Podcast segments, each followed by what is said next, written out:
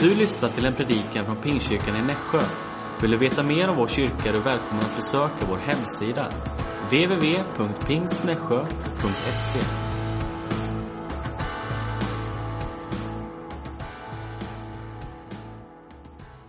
Så Nässjö Pingst, ett stort tack för ditt engagemang och stort tack för att jag får komma hit idag. Yes, det var lite grann om oss. Nu ska vi ta och öppna Bibeln tänkte jag. Är du beredd att öppna Bibeln eller? Eh, i, du kan öppna din bibel om du har den digitalt eller om du har den i papper. Jag tog med mig papper, jag gillar det fortfarande, trasslet. Liksom. Jag, jag var i USA nyligen, då köpte jag mig en ny amerikansk studiebibel. Den är så här tjock alltså. Den är så underbart tung. Och det prasslar när man bläddrar i den. Eh, om du går till Apostlagärningarnas tionde kapitel så ska jag dela några tankar med dig. Men innan vi gör det så tänkte jag att vi kunde be en liten bön till Herren. Fader, vi tackar dig för att du har ett ord för oss idag och du vill tala till var och en av oss. Du vill uppliva våra hjärtan, Herre, och låta den helige Ande bara beröra oss idag, Herre. Så att vi kan gå hela vägen in i mål med dig, så att vi kan göra det du ber oss om att göra, Herre, och vara på den plats där du har bett oss om att vara, Herre. Du ber inte så mycket om oss, Herre, men du ber oss att bara lyssna på dig och vandra tillsammans med dig där du, och vara där du är och där, vara en del av det du gör, Fader. Vi prisar och tackar dig för det i Jesu namn. Amen. När jag var precis, eh, vi har ju varit missionärer i många år, i nästan 16-17 år i Ukraina och Azerbajdzjan. Och när jag var i början av min liksom, karriär eller min, min tjänst så träffade jag en, en äldre missionär som så jag frågade, har du några goda råd att ge mig? Och då sa han så här, ja, jag, ska, jag har tre saker jag ska jag vill liksom att du, du måste tänka på när du jobbar med mission. Så. Det första är flexibilitet. Okej, okay. jag skrev ner flexibilitet, jag har det i en av mina biblar. Och sen så det andra ordet som du behöver tänka på är flexibilitet. Och det tredje är ju då flexibilitet. Och eh, det, det, är ju detta med i våra liv, det som vi kallar för flexibilitet, eller om jag använder ett annat ord, förändring. Och eh, förändring, eh, det är det jag ska tala lite grann om idag. Eh, och att vandra med Gud och följa Jesus är titeln för dagens predikan. Att vandra med Gud och följa Jesus. Och att kunna på något sätt ha en, en, en öppet hjärta och vara öppen för vad Gud gör idag. Eh, vi vet ju vad vi har varit med om igår, men, och vi vet ju inte vad som kommer imorgon. Men vad gör Gud idag? Och eh, hur kan vi ansluta oss till det som han gör nu? Hur kan jag liksom säga ja till det Gud gör nu så jag inte lever kvar i det som Gud gjorde igår? Därför igår finns inte kvar längre. Eh, och det finns en väldigt fantastisk historia här i Apostlagärningarna 10. Jag tycker den är, den är ganska fascinerande. Eh, om Petrus då eh, han, han, är ju då, om vi tar lite liksom situationen här, Petrus då i Apostlagärningarna 9, eh, så har ju Petrus rört sig utifrån Jerusalem. De blev ju kvar där när förföljelsen bröt ut i Apostlagärningarna 8 så blev ledarskapet kvar där och folket spreds ut. Och vi vet ifrån det kapitlet att de, folket de delade med sig av Jesus överallt dit de kom. Då. Så kommer vi fram till slutet på kapitel 9 så eh, får ju Petrus liksom plötsligt för sig att eh, vi kanske skulle åka och besöka de här människorna som var i vår församling här i Jerusalem. Och nu är de spridda lite överallt och de är ju inte längre församlade, de är förskingrade. Och när de har blivit förskingrade, dit de kommer så församlar de igen. Då, va? Det är liksom lite Guds princip i Bibeln, att han förskingrar och sen församlar han och sen förskingrar han och sen församlar han. Så, här, och, eh, så Petrus han ger sig av på en liten resa då ut där i, i Judeen och eh, han kommer så småningom till Lydda. Då. Och eh, när han kommer dit så träffar han på en man som heter Aeneas som var förlamad. Och eh, han då säger till honom, Aeneas, Jesus Kristus botar dig. Och eh, Aeneas blir då botad och eh, han stiger upp och han alla som bor i Lydda de, och hela, på här, liksom hela området där blir helt välsignade av det här miraklet som händer. Va? Och eh, då står det så här i vers 36 då, att i Joppa så fanns det lärjungar. Det var ju säkert någon av de som hade kommit utifrån församlingen i Jerusalem. De får ju då eh, höra talas om att Petrus är liksom i, eh, det, det, är inte så långt emellan mellan Lydda och Joppa. Det kanske är som härifrån till Eksjö ungefär. Det är, det är någon mil lite drygt, ett par mil. Va? Och de, där finns det en, en, kvinna som heter Tabita som har, gör goda gärningar. Och hon, hon går ju liksom då och hon blir sjuk och så dör hon. då. Och eh, de har talat om Petrus, att han är i närheten, så att de eh, skickar efter Petrus. Då, så han kommer ner till Joppa då. Och eh, han får bo hos en man som heter Simon. Då. Och lång, lång historia då, kort så, så ber ju då Petrus för Tabita och Tabita kommer till liv igen. Då. Så det är ju så här normal eh, nytestamentlig kristendom. Lam går och en död uppstår. Och eh, Där, där befinner sig nu då Petrus i Joppa. Samtidigt ungefär cirka fem, fem mil norr om, om eh, Joppa då, så finns det en stad som heter Caesarea. Och där bor en annan man. Och eh, Det är ungefär som vad är det, fem mil, eller till Jönköping eller? Ja, lite så plus minus på, på, på, andra sidan där mot Bankeryd, det är väl för fem mil kanske. Och, eh, det, det, bor någon person, där bor Cornelius. Då. Här har vi då, tänk dig nu bara, här har du Petrus, han har ju då sett en lam man gå, Gud har gripit in och eh, Gud har rest upp Tabita från de döda. Och, och Petrus har kommit till, liksom, är på Simon där och funderar på, han, liksom, han vet att Jesus är med honom. Och samtidigt då fem mil därifrån så har vi en annan man som heter Cornelius. det finns ingenting som indikerar i, i, i texten här att, att, att Cornelius kände till så mycket om Petrus. Det, vi hade inte, de hade inte sociala medier, de hade inte internet, de hade inte telefoner, hade inga tidningar, hade ingenting. Alltså, fem mil var en lång, det var liksom härifrån till evigheten. Då. Och, eh, så, så där är Cornelius. Då. Cornelius han, har ju, han är ju en del av ockupationsmakten, han är ju liksom en del av problemet i det där landet. Va? Och, eh, men han, samtidigt så är han ju påverkad och verkar ha, slita med någon sorts dåligt samvete. Så han ber till Gud och han är from och gudfruktig, då, står det i texten. Och, eh, han ger rikligt till, till judarna och ber alltid till Gud. och så där. Under en, en av de här dagarna då när han är i bön då, så kommer en ängel. Alltså. Det här är emot alla regler. Det kommer en ängel till ockupationsmakten.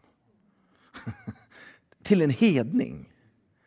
Han var, inte, han var liksom ingen bra människa. Va? Och här dyker liksom Gud upp. Va?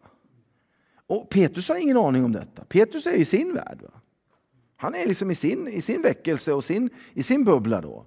Men Gud verkar då uppe i Caesarea. Då. Och, eh, det, det, är ju liksom helt, det här är helt fascinerande då hur, hur, hur Cornelius då ser den här ängeln då, som eh, liksom bara kommer in till honom och talar till honom. Då. Eh, och, eh, jag vill bara säga en sak, min första punkt om man säger, man, man ska ha punkter när man predikar, lärt mig. Herren gör alltid något någonstans. Och han frågar aldrig dig och mig om tillåtelse. Herren gör alltid någonting någonstans och han ber inte dig och mig om tillåtelse. Det är det första. liksom. För det här är, liksom, det här är utanför boken. Alltså det, här är liksom, det här passar inte in i Petrus bok, det passar inte in liksom i, i, i Petrus världsbild. Va? Och inte nog med det, då, den här ängeln då, säger ju till, till Cornelius, eh, sänd, till, sänd män till Joppa, det finns en man där som heter Petrus. Be honom att komma hit, han ska hjälpa dig att förstå detta med din tro. Va? Min nästa punkt då, det är ju det att, halleluja, han verkar, Gud verkar på många platser samtidigt. Alltså det är underbart. Alltså jag vet inte om du är någon som har, har kontrollbehov i ditt liv. Alltså jag kan uppleva det ibland, man vill liksom ha koll på läget. Va? Alltså det är väldigt jobbigt att tjäna Gud och försöka kontrollera Gud. Alltså. Det är liksom ett recept för utbrändhet. För det går liksom inte att kontrollera Gud. Va? Därför att Gud gör det han vill, när han vill, med vem han vill. Och han verkar på platser och med människor som vi ofta inte förväntar oss. Det är liksom vi förvånar oss. Och han verkar både här och där samtidigt. På många platser. Så samtidigt då så är ju då Petrus, han är ju på taket, va? han är hungrig. Och när man är hungrig kan man ju se alla möjliga visioner. Va? Så han är uppe på taket där och väntar på vad det nu är, lunch eller middag eller någonting. Och när han är då är där och, och, och liksom, ja, funderar på livet och jag vet inte om han ber eller vad han gör, så plötsligt kommer det ett skynke uppifrån himlen. Va? Och då kommer ner ett skynke så här. Det är som att Gud liksom döljer vad som är i skynket. Va? Sen kommer det ner så här, så bara öppnas det upp och så, så ser Petrus alla dessa orena grisar och kameler och allt vad det nu kan vara för någonting, ormar. Alltså alla orena djur som är enligt lagen då. Va? Som, man in, som judarna inte skulle äta. Och så, så har han en röst. Och jag kan bara inbilla mig eller fantisera heligt om att han känner igen den här rösten från förklaringsberget när han var där med Jesus. Va? Det är samma röst som kommer. Men nu säger rösten inte detta är min älskade son, utan det säger den slakta, koka och ät. Det är samma röst men han säger någonting annat. Har du varit med om det någon gång? Och eh, det här händer, liksom, Petrus är i chocktillstånd. Va? Eh, det här är inte hans världsbild, för när, när han hörde Jesus säga gå ut i hela världen och predika evangelium för allt skapat, så hörde han ju, han hörde ju inte vad Gud sa, Jesus sa, han, sa, han hörde ju på sitt sätt, han, sa, han hörde ju gå ut i hela den judiska världen och predika evangelium. Det var ju det han hörde. va? Det var ju det så han uppfattade för det var hans värld. Eh, och, och, och, nu kommer det här tre gånger, och på engelskan då så står det att Petrus, han var perplexed, alltså han var ju, han, hela hans inre jag pratar inte nu liksom bara om hans, hans sinne, utan hela hans inre är liksom i helt förvirring, tror jag det står i den svenska bibeln. Han funderar, vad var nu det här för någonting? Det var Guds röst, det var ett, ett, ett befallning att, att, äta och slakta, eller slakta och ä, koka och äta, koka har jag lagt till då, Eh, och, och äta de här, de här orena djuren. Och där är han i, i någon sorts liksom förvirrat, förvånat sinnestillstånd där Gud har talat till honom om någonting som känns liksom bara helt utanför hans bok. Va? Det här, det här passar liksom inte in i mitt mönster. Det, här, det är någonting, det, är liksom, det korsar i hela huvudet. Där är han och bara funderar på detta. Han har haft en andlig upplevelse som inte blev en förklaring utan en förvirring för honom. På förklaringsberget så blir det förklarat. Va? Det här var ju en förvirring för Petrus. Han är helt, han är helt perplex. Alltså han, är, han fattar inte vad det är som händer. Va? Och när han då sitter och funderar på detta, då, ungefär samtidigt, då, då knackar det på dörren. Och det framgår inte av texten att han hör att de knackar på. Men, men han är där uppe och då säger anden till honom. Det är tre män där nere, kanske ett stort hus, inte vet jag. Och de har knackat på dörren och du ska följa med dem. Och jag ska visa dig vad som kommer att ske. Och, alltså, nu börjar ju någonting hända. För vad talar anden någonstans till oss? Den talar i vårt inre. Va? Det är som att Gud liksom bara trycker ihop hela hans inre och skakar om det så här. Och sen så sakteliga så börjar han liksom tala till honom igen i hans inre. För att han ville föra Petrus till en plats dit Petrus aldrig skulle gå själv. Han ville förändra någonting i Petrus liv. Och eh, Det här det som är fascinerande med detta tycker jag, det var ju att Gud involverade Petrus innan Petrus involverade sig själv. Alltså, alltså Gud talar ju till Cornelius, hämta Petrus. Petrus hade ingen aning om detta. Va? Det är så han involverar Petrus i en massa grejer. Han har inte bett ens Petrus om lov. Va? För att genom hans blod är vi köpta. Vi tillhör honom. Halleluja. Så att du vet, och, och, och, eh, det är någonting som händer. Så Petrus så sakteliga går ner. Och för, några år, för många år sedan så jobbade jag med, lite med, med, med tidningar, eller med, det var i kristna världen, då, jag hade ansvar för en tidning. Och fast eh, vi hade en tidningsredaktör då som skulle göra den här tidningen. Då, och, eh, han, han lärde mig ett uttryck. Då. När du gör en tidning, Mats Jansson, så här, vi, vi skriver artiklar, så finns det en regel, sa han det. Kill your darlings. Alltså ha ihjäl dina älsklingstankar. Du kan inte göra en tidning utifrån dina egna älsklingstankar. Du måste jobba utifrån andra premisser. Det som händer här med Petrus, det är att Gud börjar kill his darling. Han har liksom en kär, han, han, är, han är förälskad i en idé, va? i en tanke som inte var helt Guds idé. Va? Utan han har själv liksom tolkat ut detta. Gud föraktar inte Petrus funderingar, föraktar inte hans förvirring, men han frälser honom ifrån den.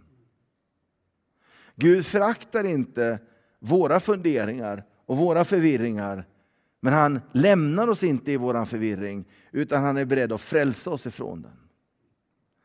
Så Herren talar till Petrus. Och eh, Petrus blir ledd att göra något som han aldrig har gjort förut.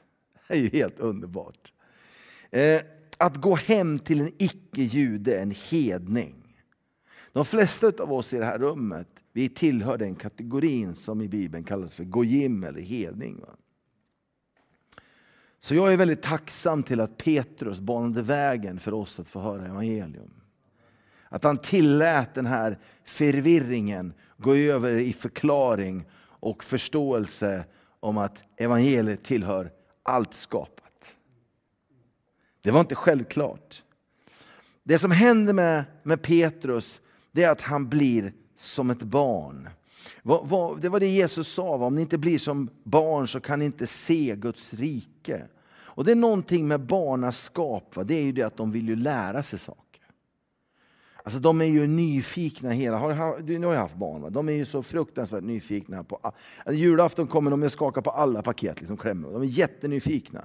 Kanske du också gör fortfarande, inte vet jag. Men, men de, de, är öppna, de är läraktiga. De, de skäms inte för att de inte vet. Utan de, vill bara, de, de frågar varför då, då? Hur då? då? Förklara för mig. Det är ett barn va, som är öppet. För många år sedan, så hade vi, när vi bodde i Baku, så, så skulle vi på vår församlingsexpedition så skulle vi datorisera. Det här var ju på slutet på 90-talet och början på 2000, så vi köpte in några datorer till vårt kontor. Vi hade en kvinna, då, hon var väldigt duktig, hon var lärare och, och i franska och väl, välutbildad och intelligent. Och hon hade hand om vår bokutgivning och vår, vi, vi, vi, gjorde böcker och tryckte böcker och sådär. Så hon hade hand om hela den biten. Då. Så hon fick en dator för att vi skulle datorisera hela detta. Då. Och en dag när jag kommer in på kontoret va, så, så sitter hon framför den här datorn och tårarna bara rinner ner för hennes ögon.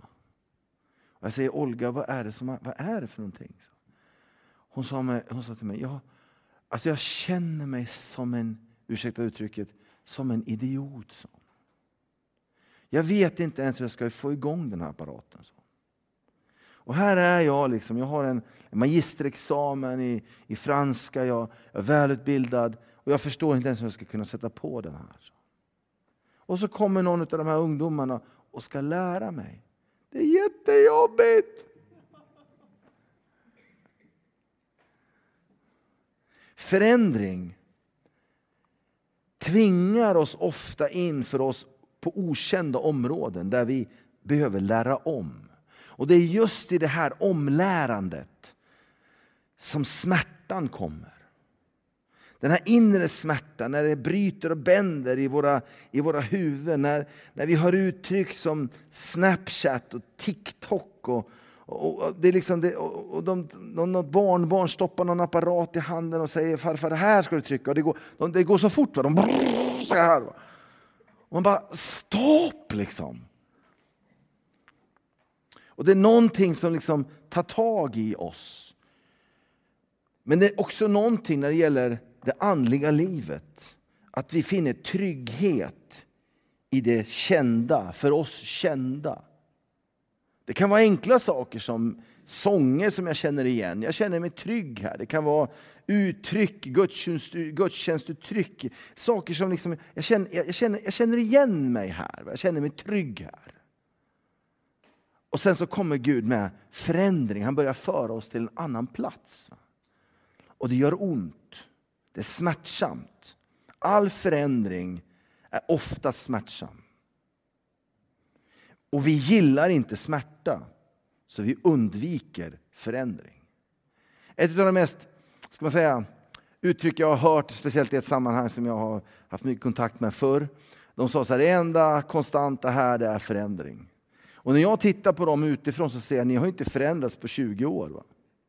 Men de tror för att det är mycket att göra, det händer en massa grejer, så förändras vi hela tiden. Men tankebanorna är exakt likadana hela tiden. Va? Man bara ändrar aktivitetstypen. Men tankesättet är precis likadant.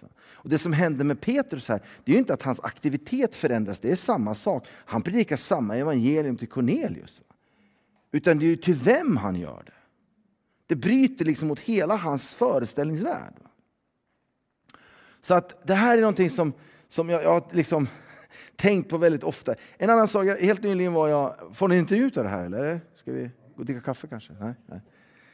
Det här är lite så här, är, för mig är det ganska personligt. Jag satt i, i höst, våras satt jag och lyssnade på han som är eh, ledare för SAL, som är vår systerorganisation, som gör det mesta av bibelöversättningen i världen, heter Michel Kimunge. Och han talade om något som heter multilinguism, alltså mång, mångspråkhet. Va? Och eh, det här är något som uppstår i migration oftast. Va? Man kommer från någon by någonstans. Han berättar om sig själv. Va? Han kom från en språkgrupp i Kamerun. Och så flyttar han och hans fru kommer från en annan språkgrupp i Kamerun. Så flyttar de in till Yaoundé och de utbildar sig. De träffas på universitetet. Hon pratar med sina föräldrar på ett språk. Han pratar med sina föräldrar på ett annat språk. Och de pratar tillsammans franska. Då. Och sen så gifter de sig och så får de barn. Och deras barn blir då fransktalande. Och de kan lite grann av deras ursprungsspråk om man säger då. Och eh, sen nu har hans barn då, de hade flyttat för att plugga i USA, så de börjar prata engelska då. Och då sa han så här, så att nu på fyra generationer, en, två, tre, den fjärde generationen då utav barn här, de kommer alltså vara engelsktalande. Ganska intressant va? Och det, uppstår, och det är inte bara att de, att de kommunicerar på ett annat språk. För med språket kommer detta jag nämnde, tacit, värderingar förståelse av livet. Det kommer med språket, med den kulturella kontexten. Så det blir liksom spänningar här. Va? Och alla vill liksom bevara, bevara sin kulturella kontext, som om det var någonting heligt. Och jag sitter och lyssnar på detta. Jag leder en bibelöversättningsorganisation i Sverige. Och jag, ser, jag bara sitter och tänker så här, hur, vad, hur påverkar det här mig? Alltså, hur tänker jag runt det här? Liksom? Vi, vi, är ju liksom, vi är svenskar och våra barn är ju svensktalande. Så. Vi pratar ryska också. Då. Men hur påverkar det? Så bara slår det mig. Liksom. Jag bor i ett land, Sverige. 20 procent av Sveriges befolkning har rötterna utomlands ifrån idag. Många av dem har alltså inte svenska, de kan svenska många, men de kanske inte har svenska som sitt, som sitt modersmål, som det de pratar hemma. Och jag leder en, en bibelorganisation som översätter Bibeln på massa olika språk. Och när du går in på vår hemsida, när du gick in på vår hemsida i maj i år, så var det bara på svenska.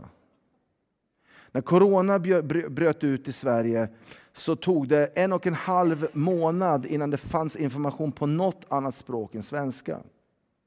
Det var en journalist, Nuri Kinno, uppe i, uppe i Stockholm som översatte det till 17 olika språk. Vi har inte ens en, svensk, vi har inte ens en engelsktalande tidning i Sverige. Hänger ni med mig? Eller? Alltså det är en skandal tycker jag. Alltså vi, vi, vi, lever kvar i en sorts monolingvism. Vi, vi tror att liksom det här är det språket som vi gör. Jag, går, jag, gick till, jag gick från hotellet ner hit idag och jag hörde ingen tala svenska, jag hörde bara arabiska. Det var inte så mycket folk ute. Va? Äh, vi kan inte göra någonting åt detta, vi kan bara anpassa oss till det. Så jag sitter på, jag sitter på det här mötet och jag blir så överbevisad. Vi håller ju på med språk va? Och vi har bara svenska på hemsidan. Så jag ringer till en kille och säger, nu måste du översätta det här nu. Så på, på, på någon vecka så hade vi översatt det till tre andra språk, till engelska, ryska och vi håller på att översätta det till ukrainska och vi ska översätta det till, till spanska och till farsi också. Va? För det finns väldigt bra hjälpmedel för detta. Och, och, för mig var det här en förändring. Förstår ni vad jag menar? Alltså det, det, det, var liksom, det var lite jobbigt om man ska riktigt ärlig. Jag kände, jag blir liksom röd i ansiktet när jag sitter och tänker på, jag kan ju alla de här sakerna men jag, jag lever kvar i det här gamla paradigmet. Jag sitter där på, på Simon Garvarens tak liksom och funderar på livet. Va? Och så kommer en förändring. Och eh, vi förändras med förändringen. Halleluja. Som en människa, säger skriften, tänker i sitt hjärta, så är hon. Så det som händer nu med Petrus, han följer med de här männen. Hänger ni med mig? Alldeles strax klar. Han kommer med, han kommer in i Cornelius hus. Och om vi ska bara läsa några, några bibelverser här, i vers 28. Jag tycker det här är fantastiskt. Då, från vers 24. Dagen därpå så var han framme i Caesarea där Cornelius väntade på dem tillsammans med sina släktingar och närmaste vänner som hade bett honom komma. När Petrus skulle stiga in så kom Cornelius emot honom och kastade sig vördnadsfullt för hans fötter. Men Petrus sa åt honom att resa sig, stig upp, jag är en människa, jag också. Det här är ju en statement. Va? Det Petrus säger, det finns varken jude eller grek. Utan vi är människor. Det är inte ni och vi, utan det är bara oss. Ställ dig upp igen. Och eh, så Cornelius ställer sig upp på ögonhöjd och talar till, och Petrus börjar tala till honom. Så står det så här, sen gick han in under samtal med Cornelius. Han gick in i en hedningshus. Det skulle aldrig förekomma utan Guds ingripande att han som jude skulle gå in i en hedniskt hem. Eh, och där inne så fann han många som var församlade och han sa till dem, lyssna på det här nu, som ni vet är det förbjudet för en jude att umgås med någon som tillhör ett annat folk eller att besöka honom. Men mig, halleluja, jag blir så salig bara jag läser detta, va? har Gud visat att man inte ska betrakta någon människa som ohelig eller oren. Därför kom jag utan invändningar. Jag vet inte med det, men när jag blev efterskickad. Och nu undrar jag varför ni har låtit hämta mig. Och sen så talar, berättar Cornelius om änglabesöket. Petrus predikar, anden faller, de är fyllda av den helige ande. Och det är väldigt saligt och det är väckelse i, i Caesarea, i Cornelius hem. Det kommer förändring. Och det jag vill säga med detta är att Petrus lydde Gud och det ledde till en förändring, en förändring inuti Petrus. Det var inte bara liksom en yttre pålaga utan det kom inifrån honom. Gud har visat mig detta. Anden bröt sönder hans fördomar. Han blev förvirrad men sen började han frälsa honom och sätta ihop hans liv igen. Och Han förvandlades och Cornelius hela hushåll, hushåll tog emot Jesus Kristus. Förändring är inte enkelt. Förändring är smärtsamt. För många år sedan när jag bodde i Azerbajdzjan, ska avsluta med en liten historia. Så eh, vi hade blivit, precis blivit, fått registrering till kyrkan efter att ha varit underjordiska i två år. Så eh, började de sända program på tv om mig, där de visade mig på tv. Och de sa att det här, han hypnotiserar människor till döds. Och de, de visade det här en gång, två gånger och sen sa de så här, den här mannen ska ni akta er för. Han är den farligaste mannen i Azerbajdzjan. Och det här visar de en gång på tv, sen visar de programmet en gång till och sen börjar de visa en gång till. Och jag, jag kände liksom, jag hade fått ett genombrott, församlingen hade blivit registrerad i slutet av 99 och tänkte varför kommer det här nu? Liksom? Det här är fel. Va? Men i alla fall, jag kände liksom som ett, nästan som ett andligt täcke bara läggas över mig. Jag tänkte det här går väl över, jag liksom biter ihop så här. Men det gick inte över. De bara fortsatte det här programmet om och om igen i en vecka. Och, jag, och jag, till slut så kände jag, jag, jag måste bara, jag måste bara reda, vad ska jag, jag vet inte vad jag ska göra då. Så jag ringde hem till min pastor och eh, bara sa, vad ska jag göra för någonting? Och han bara fullständigt exploderar. Alltså, det, det var, gjorde han inte så ofta. Alltså, när jag pratade, det var inte så att det var hans stil, va? utan han bara Mats Jansson, du måste stoppa det här! Du måste stoppa det i Jesu namn! måste du stoppa det här.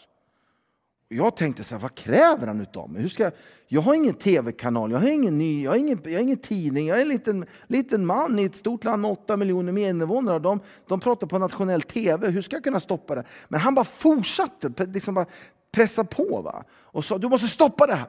Och för mig var det var ju bara ett, ett enda stort liksom, frågetecken. Va? Och till slut så bara utav ren bara respekt för honom sa ja, ja, jag ska stoppa det här. och så la jag på luren. Va? Och, eh, vad gör du när du inte vet vad du ska göra men du har lovat att du ska göra det? Va? Ja, det finns bara en sak att göra, det är att ställa sig på knä och be till Gud. Va? Och tack gode Gud att man är pingstvän alltså. Ja, men alltså, när man inte vet hur man ska be, har du varit med den någon gång? Va? Så kan man be i den helige ande. Man kan be i tungor, alltså. det, det är fantastiskt med tungotal. Jag vet inte om du tycker det, men för mig är det en överlevnadsfråga. För ibland så gör min hjärna uppror.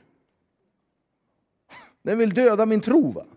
Men då finns det en helig ande här inne, så börjar man be i den heliga ande. Så, så jag ställer mig på knä och så börjar jag be. Jag tänkte jag ber tills jag får ett svar. Alltså, jag bad ju länge, alltså, jag bad i flera timmar. Och jag fortsatte nästa dag och jag bara, jag bara ropade till Gud. Jag var desperat. Jag tänkte, hur ska jag få stopp på detta? Jag har ju lovat att jag ska stoppa det här nu. Va? Och, när och i bön då så, eh, när jag är i bön så plötsligt så, så ser jag en bild. Va? Jag, jag fick en bild så här från, jag har varit uppe på vice premiärministerns kontor ett antal gånger. Och när man kom in på det kontoret så hade han alltid en massa tidningar låg på, på sitt kontor, alltså dagstidningar. Och sen hade han en TV som alltid stod på sig. Jag förundrades mig alltid, alltid varför han sitter och läser tidningar och tittar på TV när han är på jobbet. Liksom. Eh, så jag, men jag såg den där bilden och jag, jag började liksom fundera, det Gud vill visa mig någonting här. Va? Och plötsligt så inser jag att när jag tänker tänker på media som en västerlänning och jag tänker på vad, vad, vad de är ute efter, så tänker jag på att de vill ju påverka vad man kallar för liksom den, den, the public opinion, alltså den, den offentligheten. Va? Men plötsligt så, så, förstår jag att i Azerbajdzjan är det annorlunda. Där, där, där publicerar de saker i media för att påverka beslutsfattare eller, eller regeringen. Va? Det är liksom en smalare så här. Det är inte åtta miljoner, plötsligt så är det några tusen. Va? Och till saken hörde att jag i bön så kom jag ihåg att några månader tidigare så hade en, en kvinna i församlingen bara kommit och gett mig en födelsedag. Jag hade födelsedag, så han hade gett mig födelsedagspresent, en, en CD, kommer ni ihåg CD, alltså CD-disk som hette Kim Kim Deer eller Who is Who. Det, det, var, det var en unik CD, det fanns ju inga, inga gula så här, Eniro eller någonting som fanns ju inte på den tiden, utan det fanns inga telefonböcker och ingenting. Man fick ringa och fråga folk om telefonnummer. Eh, men i den här då, så hade det varit första gången de hade då sammanställt regeringens alla telefonnummer och faxar. Det fanns, kommer fax? Telefax liksom. Ja. Och det fanns på den här CDn då. Va? Så plötsligt så inser jag, jag hade gått ifrån att hur ska jag kunna, hur ska jag kunna liksom nå fram till att säga att det här är fel det de säger på TV? Från 8 miljoner så är det plötsligt några tusen. Och från de, de här några tusen då, så plötsligt så har jag då på en disk alla faxnummer till liksom alla alltså, vad heter de, ministerierna då, i, i hela Azerbajdzjan. Och jag, tänkte, jag fick en idé, då, så att vi kontaktar en advokat, vi skriver ett papper då, eh, liksom, att, att eh, det här har hänt, de har skrivit det här om oss och det, är inte, det här är inte sant. Och sen säger jag till min administratör, vet du, när en helig ande kommer över dig så får du en massa tokiga idéer. Va? Och de är inte så tokiga, utan de är Guds idéer. Va? Så jag, jag kom på det att hur ska man göra? Liksom? De får säkert en massa fax. Va? Så jag sa till honom så här, Alek hette den här killen då. Du sa, nu, nu ska du göra så här, du ska skicka fax till varenda ministerium, jordbruksministeriet, alla ska få den här faxen. Va? Och du ska faxa inte en gång, utan du ska faxa den sju, åtta gånger. Kommer du ihåg, det var så här faxpapper. Så här, va? Och så ska du faxa, inte på dagen, du ska faxa mitt i natten. Så att när de kommer på morgonen va, så ska det ligga en lång, lång remsa så här med bara vårt brev. Så här då. Det här var, han, satt en hel, han började sent på kvällen en torsdag och han satt och faxade hela natten. Alltså. Eh, med detta då. Klockan 11 nästa dag så ringer en av presidentens, presidentens rådgivare, har liksom, för jag hade skrivit vårt telefonnummer, ringer till oss och frågar vad är det som har hänt. Och lång historia kort, han ger oss goda råd. Han säger så här, nu måste ni göra så här, för att det här, det här är, så här får de inte hålla på. Utan ni måste göra så här, så här ska ni skriva brevet och ni ska publicera, ni ska göra på det här sättet. För annars kommer de att stämma er för att ni hotar dem eller någonting sånt där. Så här, han förklarar exakt för hur vi skulle skriva det och hur vi skulle leverera det. Så kort och gott så vi, vi, vi gick till advokaten igen, vi skrev ett brev, vi levererade det till den här tv-stationen då på, på rätt sätt. Va?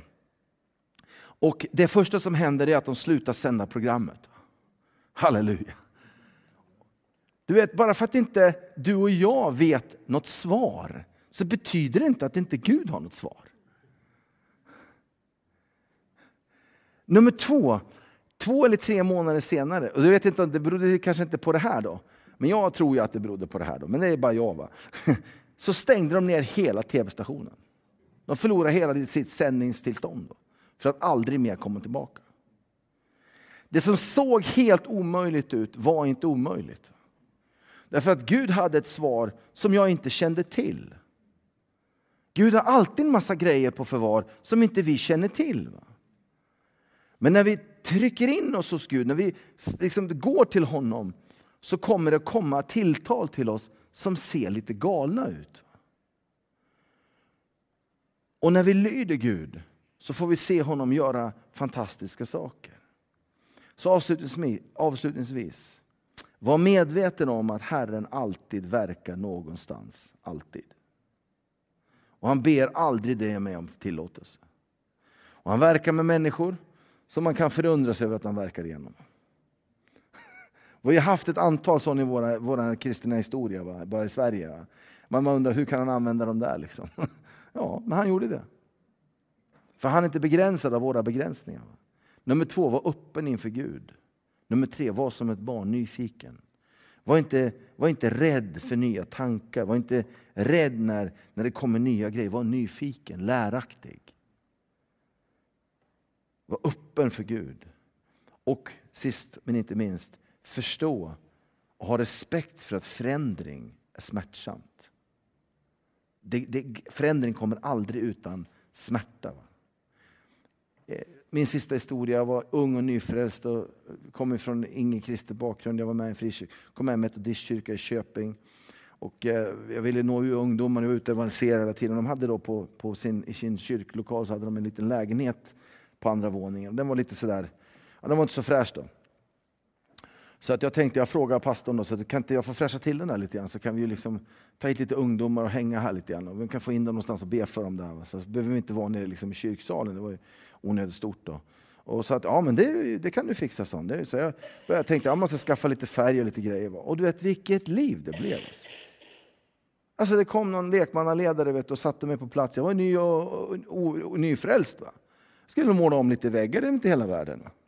Ja, det var fel färg. Och det var, det, det hade, så här har det alltid varit. Så här, det här ska, och jag bara tänkte, vad är det för människor? Alltså? För jag var ju frälst, jag kom ju liksom bara rakt ut från gatan. Va? Så jag ställde ner mina färgburkar, så blev ju aldrig målat. Va? Alltså ibland hakar vi upp oss på helt fel grejer. Va?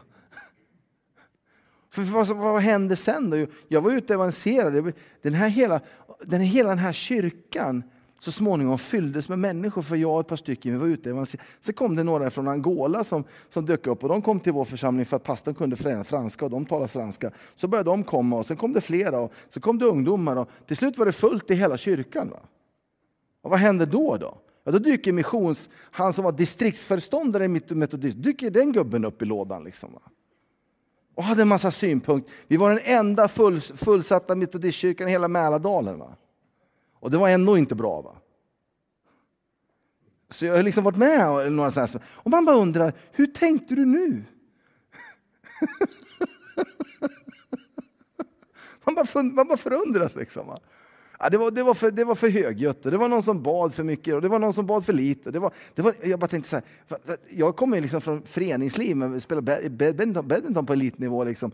Det var ju bara de som gjorde något som fick ha en röst i den föreningen. Liksom. Om du bara hade bara åsikter, då kunde du vara tyst. Va? Men jag upptäckte då i den här världen jag befann mig att, att de som gjorde minst, de tyckte mest. Jag, det bara gick inte in i hela min... Det, bara, det här är ju helt märkligt. liksom. Men så, det, nu pratar vi om Köping, va? det var ju inte Nässjö, då, så det är en helt annan värld.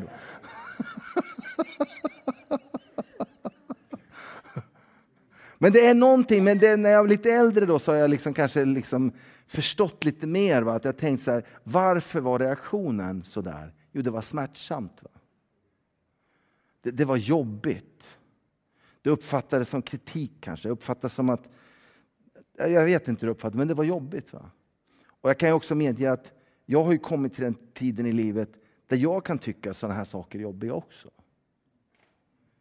Men det är ingen orsak för att inte låta dem ske. För om man förstår att förändring är smärtsamt så förstår man att i smärtan så kommer Gud att besöka oss. Han var smärtornas man på korset. Han dog i smärta. Men han uppstod i härlighet. Halleluja. Tack Jesus. Ska vi stå upp tillsammans?